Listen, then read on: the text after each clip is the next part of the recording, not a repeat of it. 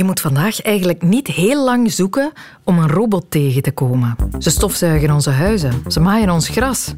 En Siri, wie heeft de robot eigenlijk uitgevonden? Bult is een gemeente in het Franse departement Vosges en telt 240 Nee, inwoners. stop. De plaats maakt deel uit Nee, van het wat? arrondissement Épinal. Niet Bult, robot. Ik zal het zelf moeten doen. Ik ben Sophie Lemaire en dit is een snelle geschiedenis van de robot. Het woord robot duikt voor het eerst op in een toneelstuk. Een Tsjechisch toneelstuk uit 1921, geschreven door Karel Čapek met als titel RUR, Rossums Universele Robots. Hij bedenkt die term gebaseerd op een Tsjechisch woord, robota. Robota betekent eigenlijk fysieke arbeid. Slavenwerk, sleurwerk. En het is naar het schijnt verwant aan een oud Hoogduits woord, arbeid, wat wij natuurlijk in het Nederlands kennen als arbeid. Dit is Benjamin Verhoeven. Hij is theatermaker en praktijkassistent theaterwetenschappen aan de Universiteit Antwerpen. Het toneelstuk van Karel Čapek speelt zich af in een fabriek op een eiland.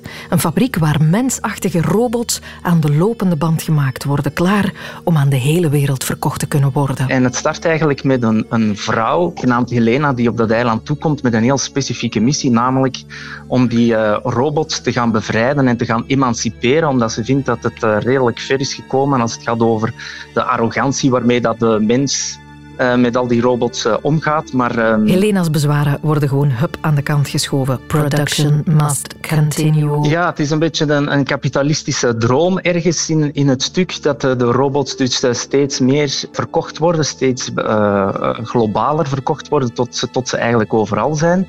En dan is er dus ergens een soort van klik dat de robots maken en eigenlijk, eh, ja, ze hebben er genoeg van om zo inferieur geacht te worden en ze komen in opstand. Wereldwijd, alle robots die ooit in de fabriek gemaakt werden, keren zich nu tegen hun maker. Ze beginnen massaal de mensheid uit te moorden.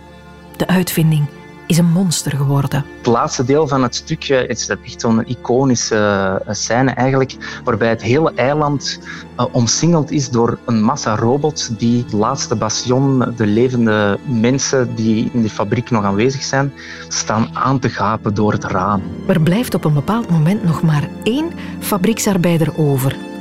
En dan beseffen de robots dat ze die man nodig hebben. Om zelf in leven te kunnen blijven. Want het zijn natuurlijk machines. Hun levensduur is beperkt.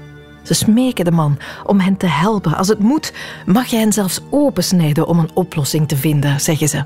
Nu komt het hoopvolle moment. Ja. het moment dat hij tegen een van die robots zegt, ik ga u opensnijden, eh, springt er eigenlijk een andere in de bres en zegt nee, snijd mij open.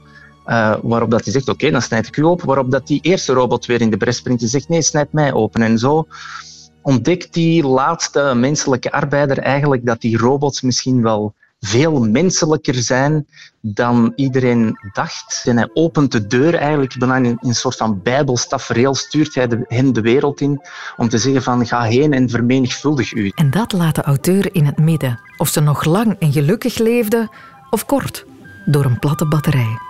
Zwat, dat toneelstuk was een gigantisch succes. Paste ook helemaal in zijn tijd. Jaren twintig. Mensen hadden een onmetelijk geloof in de toekomst, in de technologie die in volle ontwikkeling was.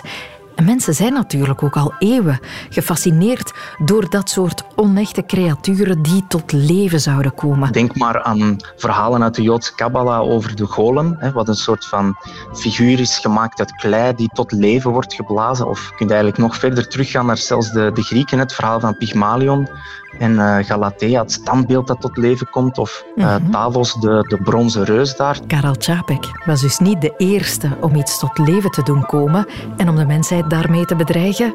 Hij was wel de eerste om de machine als slaaf te bedenken en om dat ding een robot te noemen.